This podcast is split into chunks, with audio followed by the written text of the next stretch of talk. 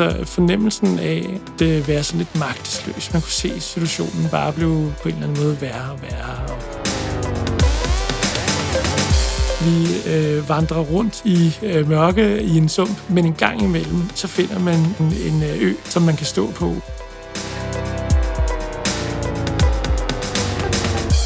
Velkommen til årets første program af Stetoskopet. Mit navn er Anna Christensen.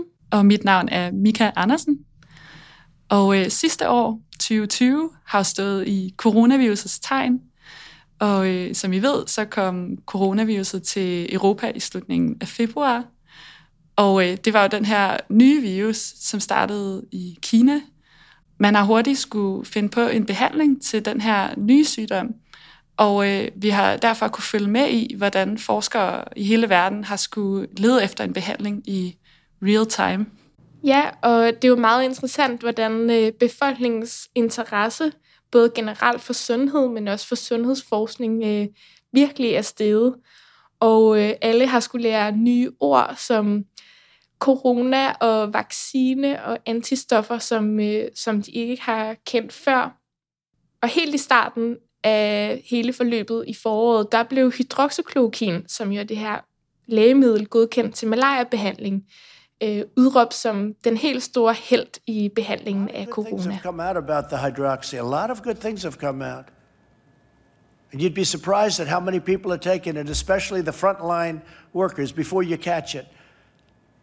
The frontline workers, many, many are taking it. I happen to be taking it. I happen to be taking it. Hydroxychloroquine? I'm taking it, hydroxychloroquine. Right now, yeah. Det er jo lidt kontroversielt, at en statsleder går ud og udtaler sig om øh, en behandling på den måde, når han jo ikke selv har øh, sundhedsfaglig baggrund. Men øh, han siger, at han har hørt good things. Han har hørt nogle gode ting omkring behandling med hydroxychloroquine af covid-19-patienter. Og øh, noget af det, vi skal snakke om i dag, er, at det er vigtigt, at man har en stor mængde evidens, før man begynder at behandle med forskellige lægemidler. Det var ikke kun Trump, der var begejstret for hydroxychloroquine i starten. Der var faktisk nogle øh, celleforsøg og nogle indledende observationsstudier, som viste en øh, mulig positiv effekt af hydroxychloroquine som behandling. I løbet af marts og starten af april var der mange forskere, der satte gang i randomiserede, kontrollerede forsøg øh, omkring hydroxychloroquine som behandling af covid-19. Øh, og randomiseret kontrolleret forsøg er altså den øh, bedste type studie til at vise effekt af en behandling. Så forsøg i verden over går altså i gang med at teste hydroxychloroquin til behandling af corona og inkludere patienter i løbet af april og maj måned, lige indtil at WHO melder ud, at øh, forsøgene skal sættes på pause, øh, grundet et forsigtighedsprincip, og der skal foretages sikkerhedsanalyser af alle data. Vi har sat os for at finde hoved og hale i hele det her forløb og undersøge, om det hoved er klarlagt, hvilken effekt hydroxychloroquin har på coronavirus. Programmet i dag kommer til at handle om de videnskabelige processer, der ligger bag, og hvordan man skaber evidens i en krisetid. Til at belyse dette har vi talt med en forsker, der står bag den største danske undersøgelse af hydroxychloroquins effekt til behandling af covid-19-patienter.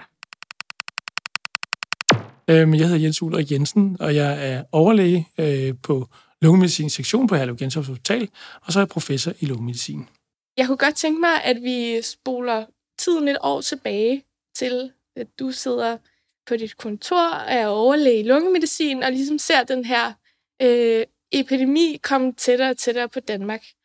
Og øh, hvornår tænker du, det her er noget for mig. Jeg skal forske i det her.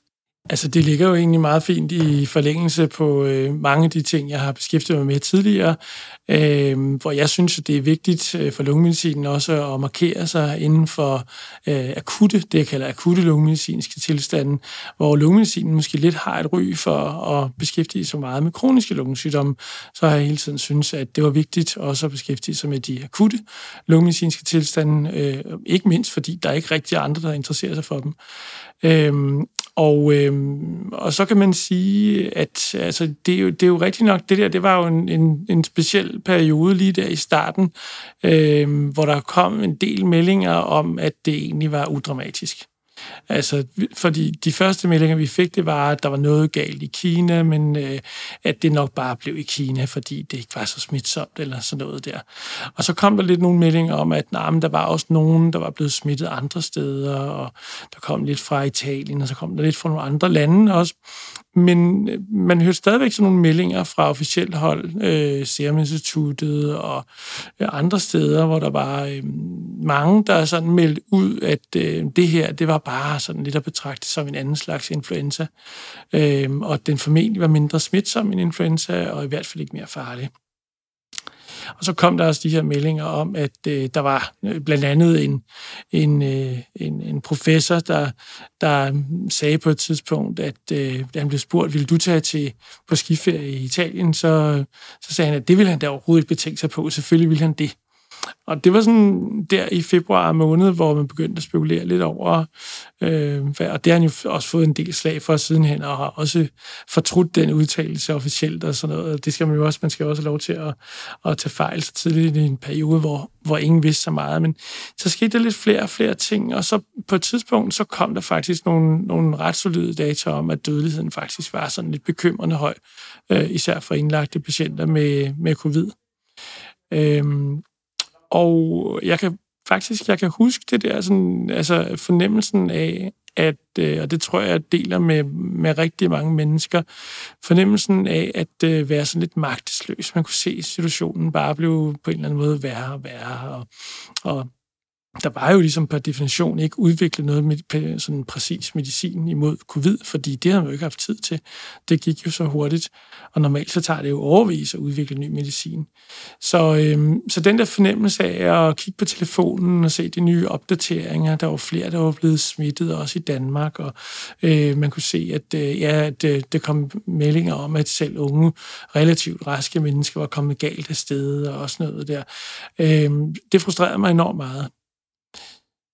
Og så, øh, og så på et eller andet tidspunkt, så, øh, ja, så tror jeg netop, at jeg begyndte at kæde det sammen med min tidligere forskning øh, fra, hvad skal man sige, fra, og de patienter med blodforgiftning, septisk chok og øh, med svære lungebetændelser og sådan noget der.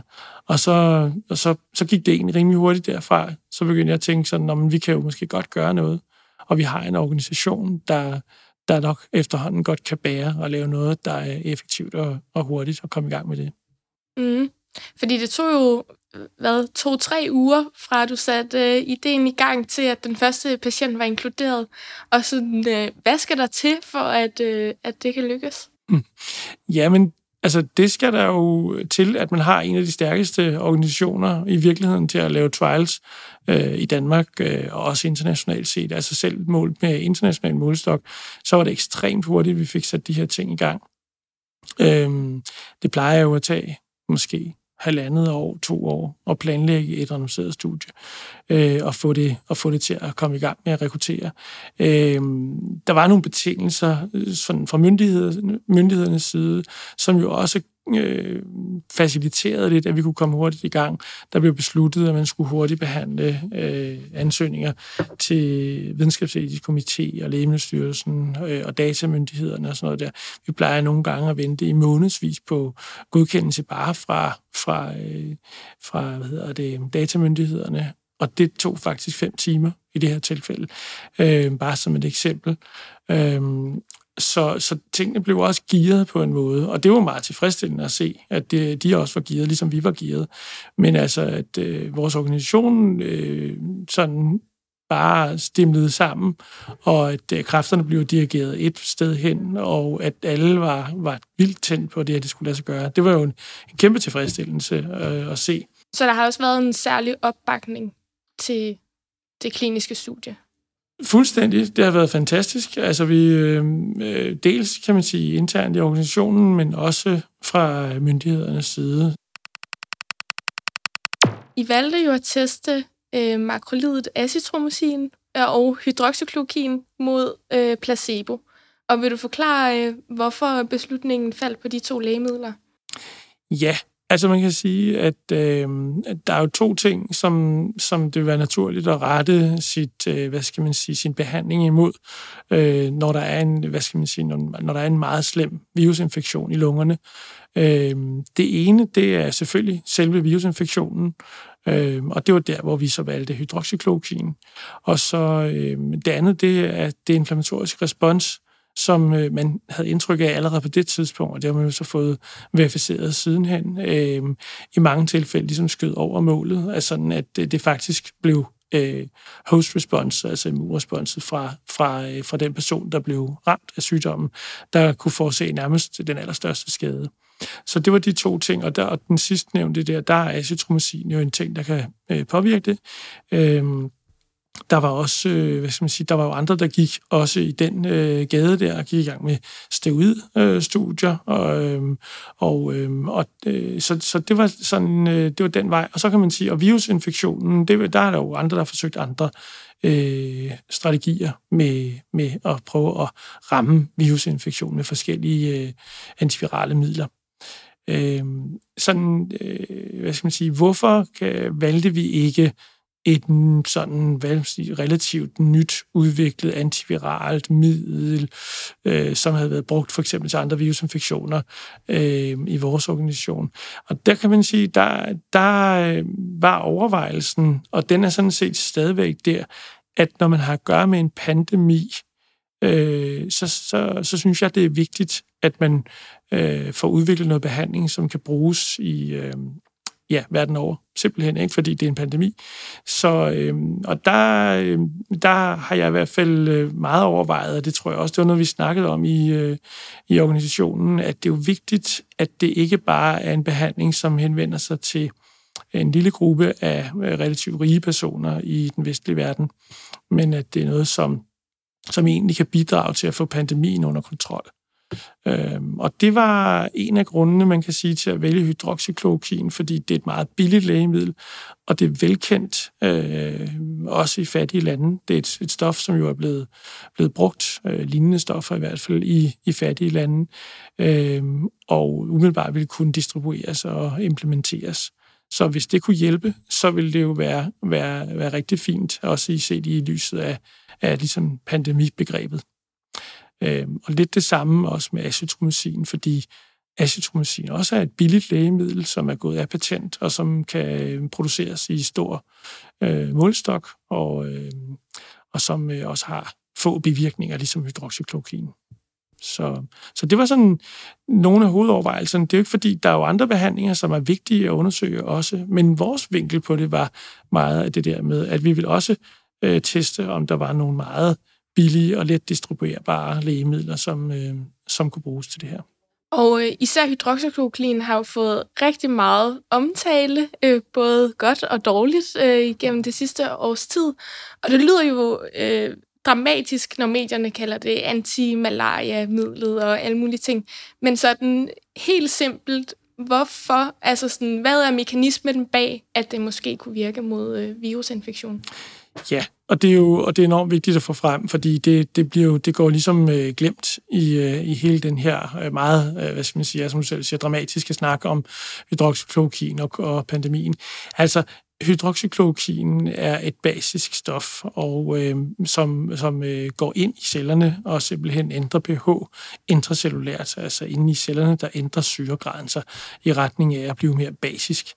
Øh, og hvorfor det er interessant i forbindelse med, med covid, det er det, fordi øh, coronavirus øh, af forskellige art, øh, og også andre virustyper øh, øh er dokumenteret at være afhængig af, at der er en øh, bestemt pH, som er relativt sur øh, intracellulært, for at de kan øh, replicere sig, også for at de kan komme ind i cellerne.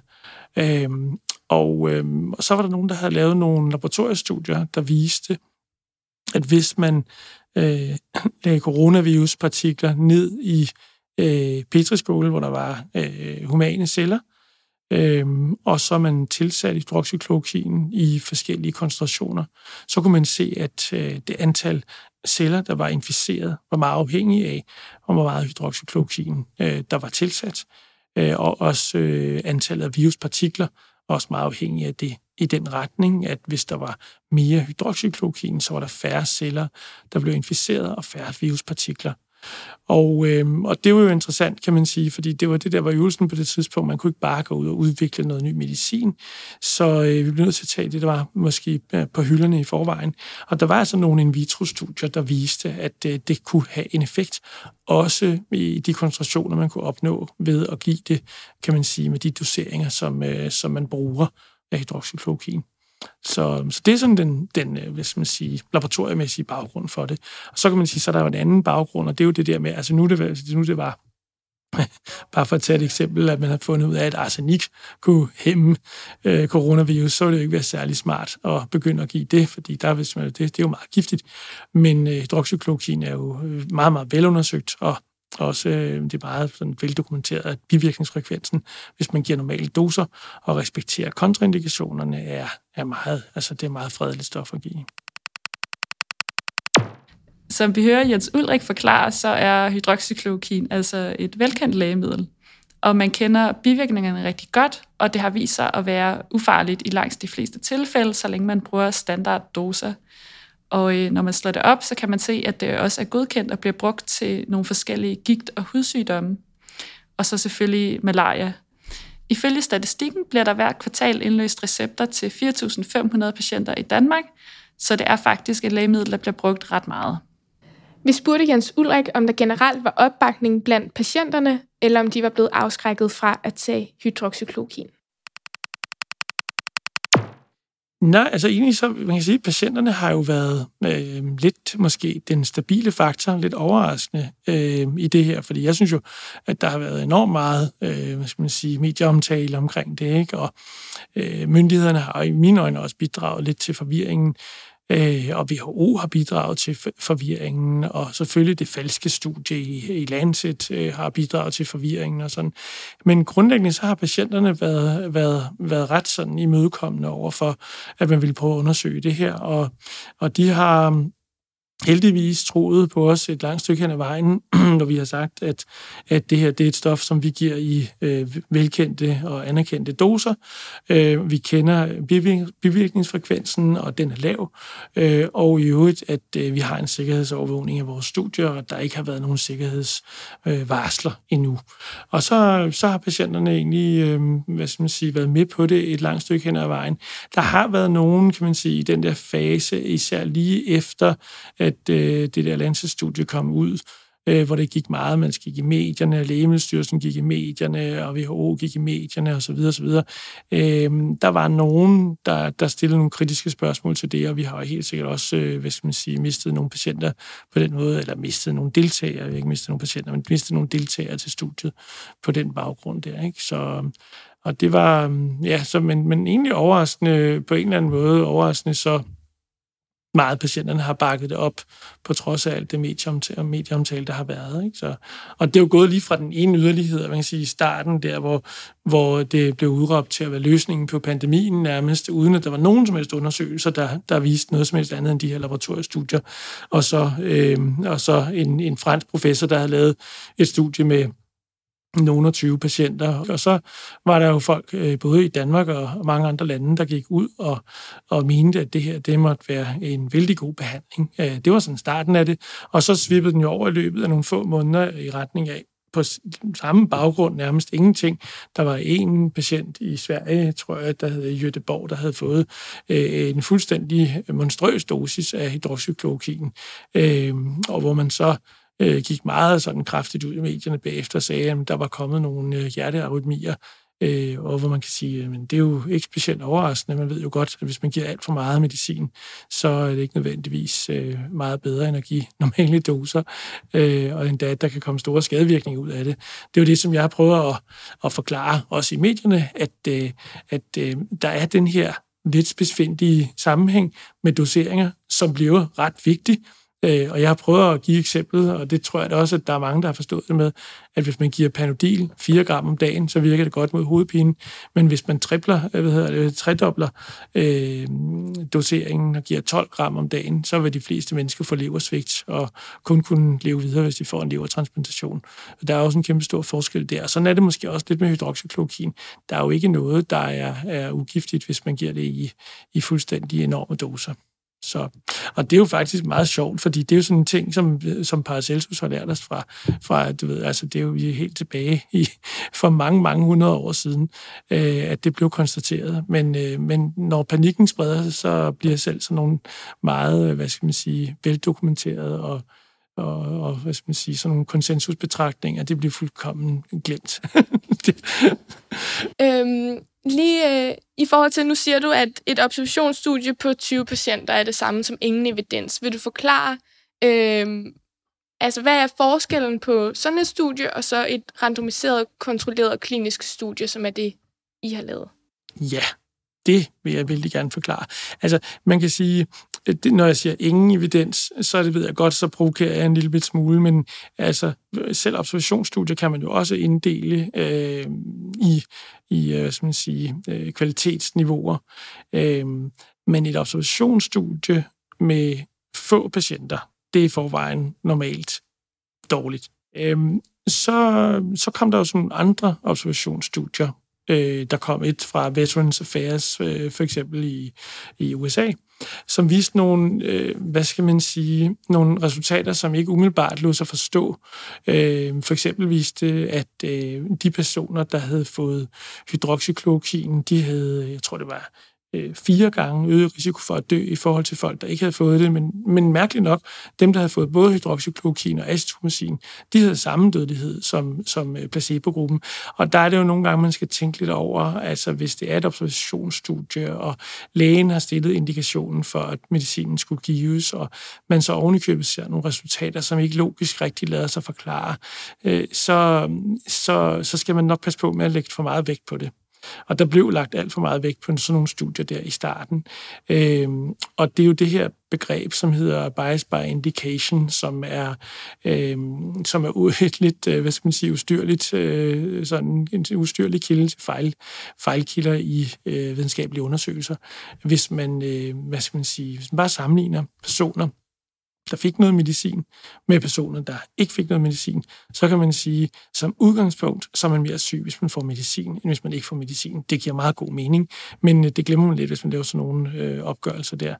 Øh, og i hvert fald, hvis man øh, publicerer dem. Og der er jo mange journalister, der ikke er opmærksom på det her fænomen, som er, er ligesom er, er måske hovedbaggrunden for, at man overhovedet har indført det randomiserede kontrollerede studie, øh, som, jo, som jo effektivt kan kan eliminere den fejlkilde. Så det er jo et meget, meget stærkt redskab.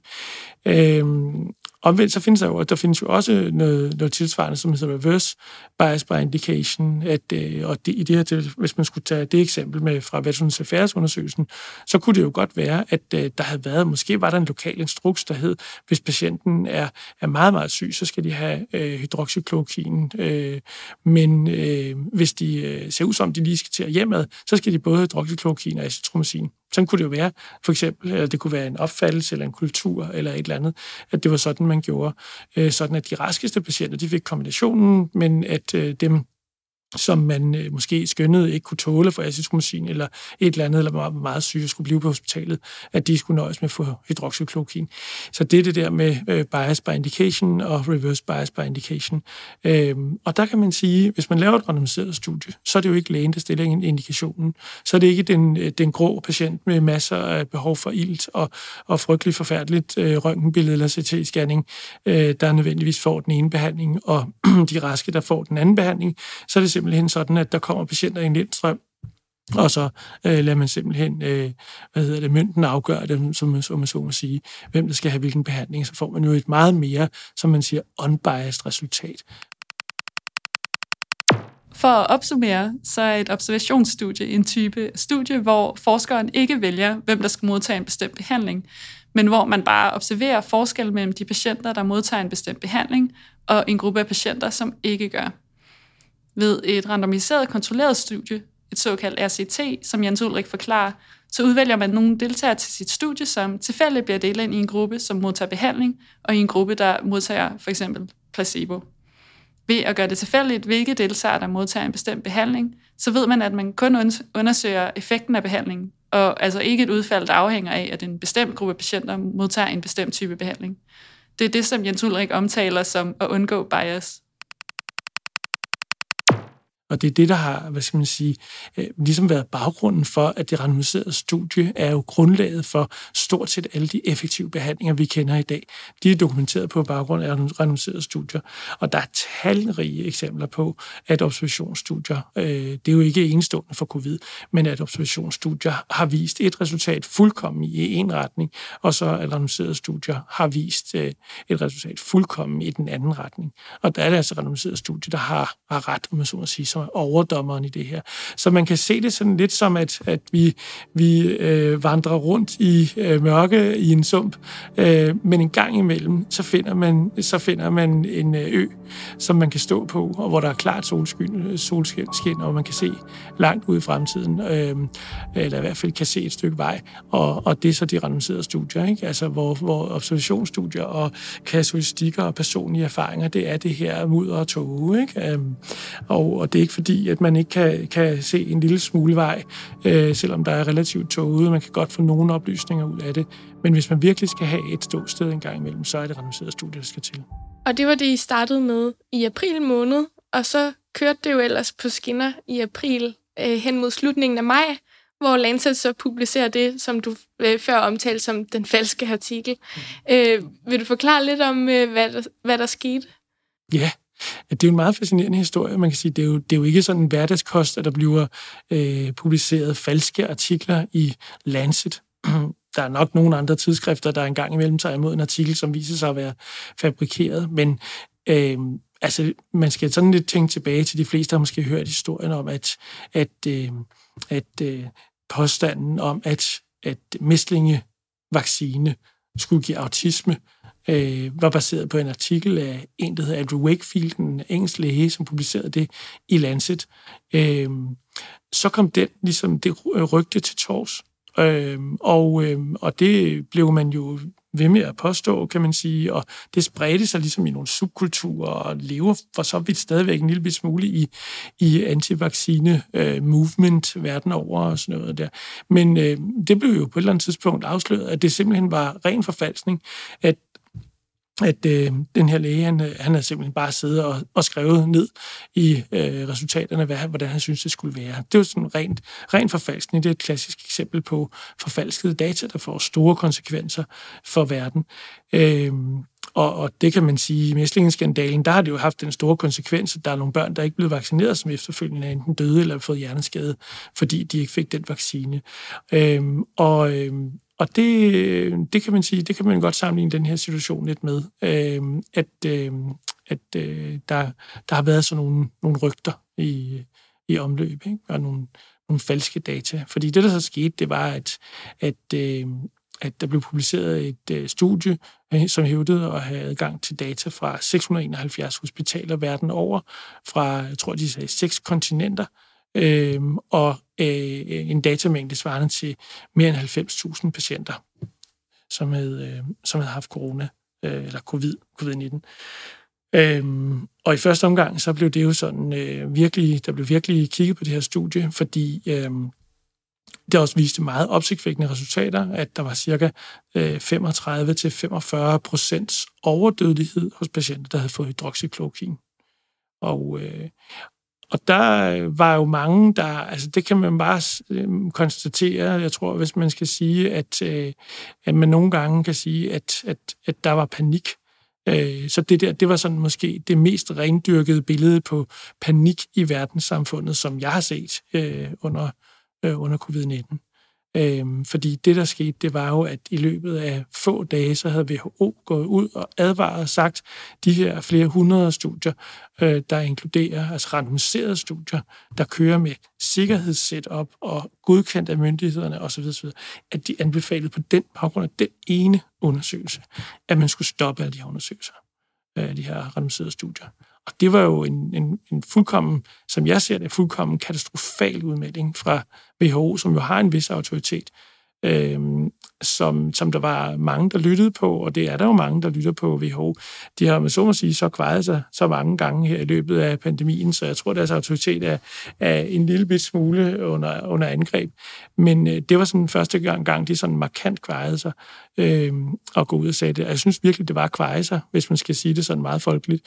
Øh, fordi det er jo sådan lidt at, at, at hvad skal man sige, fravige og desavouere øh, den, øh, hvad skal man sige, ja, den evidensbaserede metode, som er blevet udviklet siden øh, det første gang blev, blev, øh, jeg tror det var 1948, der var det randomiserede studie, der første gang blev gennemført med driftstomycin imod øh, tuberkulose, øh, hvor, øh, hvor hedder det, Bradford Hill, han, øh, han startede det her studie op, og det studiedesign, som han og andre jo i dengang øh, har beskrevet meget tydeligt, hvorfor det har nogle meget bestemte fordele. Og det er jo blevet dokumenteret talrige gange siden.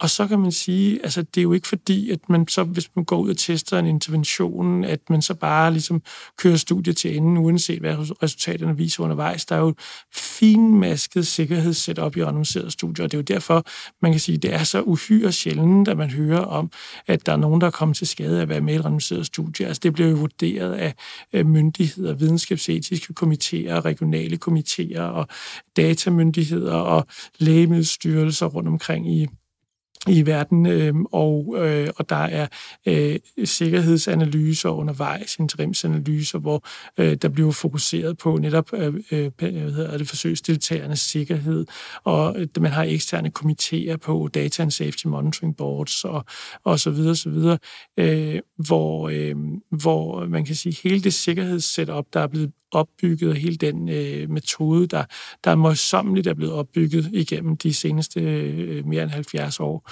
øh, den går man jo sådan set ud og bypasser, når man går i panik på den måde, som WHO gjorde. Ikke?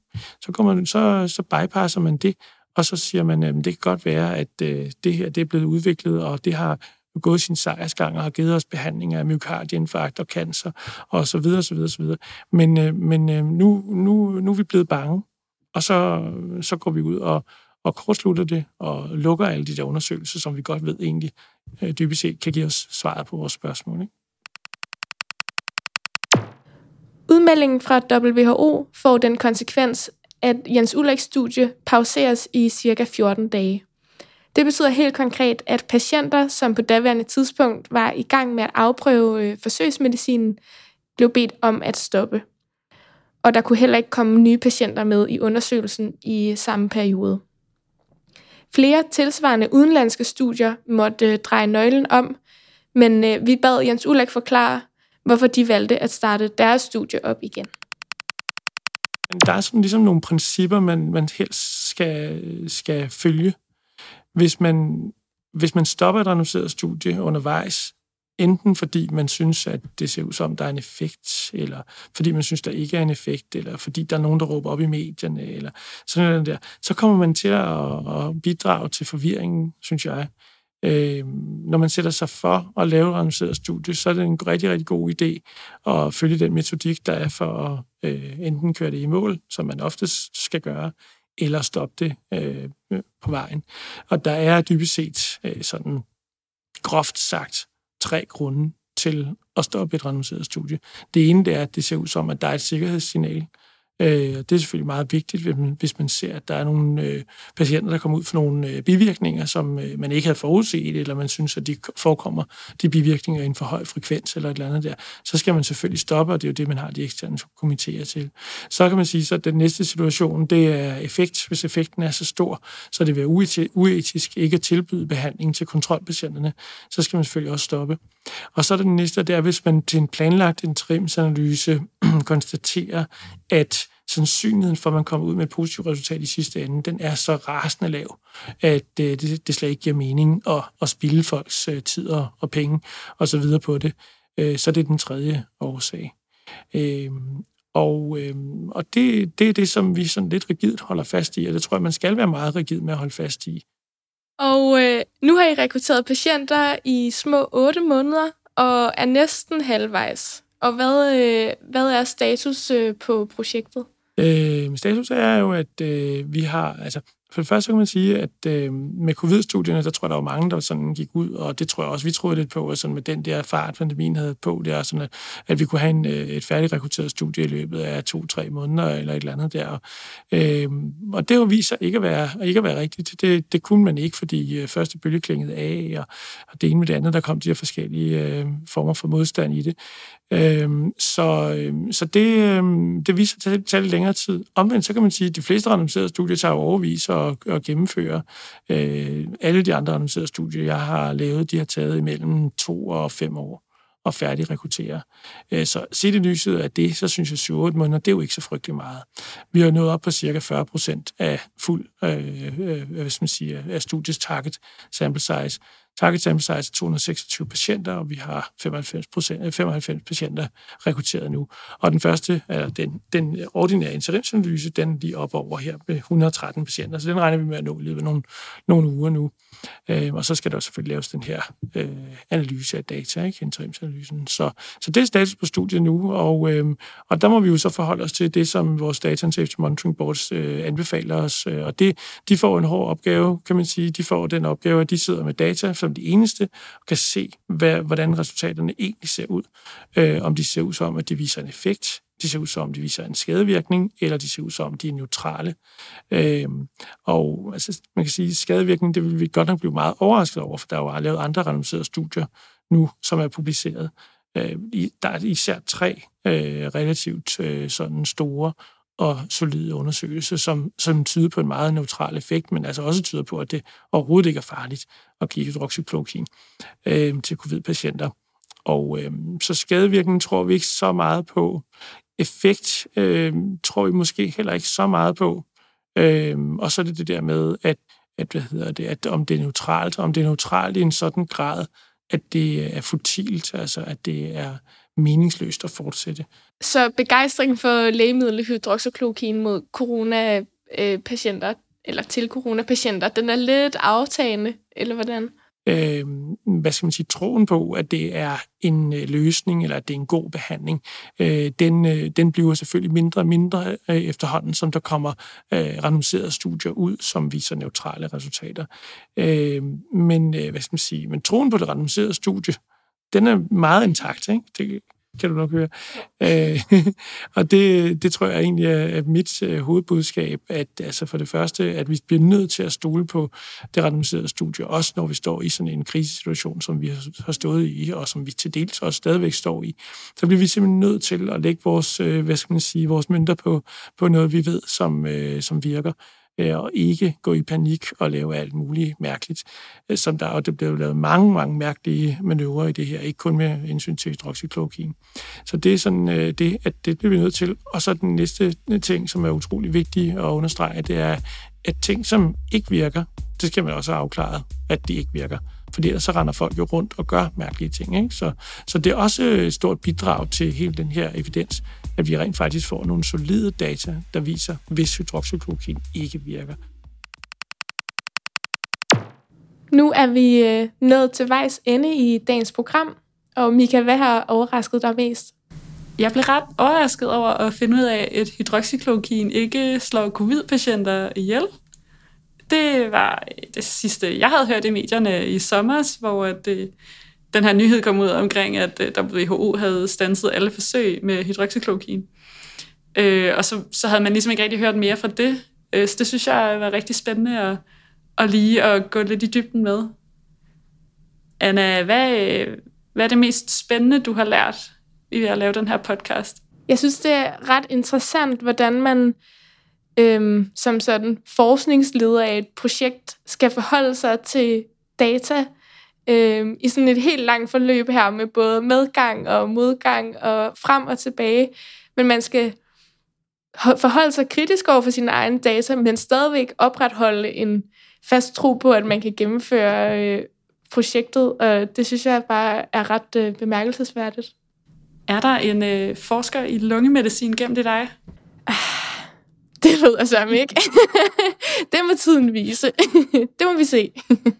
Vi håber, at I har lært noget i dag, ikke kun om hydroxychloroquin, men også om, øh, hvor vigtigt det er at lave god og grundig forskning.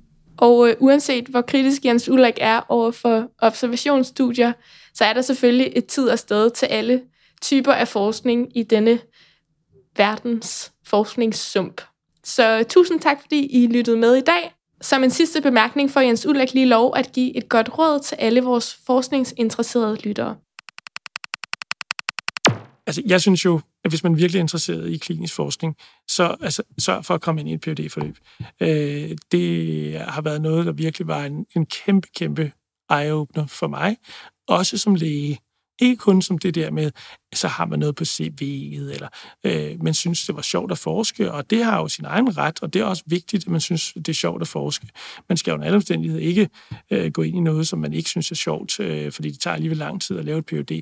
Øh, men det var altså både det der med glæden, at finde glæden i at danne ny viden, som andre mennesker kan have gavn af i, øh, hvad skal man sige, man så må sige, alt, alt fremtid, det kommer jo til at stå på, på popmødet, de ting, man har gjort. Ikke? Det er en stor glæde, men det er også en kæmpe, kæmpe glæde, når man så senere kommer ud som læge at man har den her dybde i sin viden, at man ved, at hvis det står i guidelines, at man skal gøre et eller andet, at nogle gange så er det undskyld udtrykket total bullshit, at der, hvor der ikke er andet end, øh, hvad skal man sige, en eller anden klog person, eller øh, selv, selvklog person, der mener, at det her det er det rigtige at gøre. Og andre gange, så der, ligger der et solidt randomiseret studie øh, som baggrund for, for det her. Helt den der, og så, hvad skal man sige, og alt indimellem det der, øh, altså den der nuancering af ens viden, og øh, som kvalificerer de kliniske beslutninger og sådan noget der. Det har givet mig en kæmpe, kæmpe, kæmpe glæde øh, som læge efterfølgende.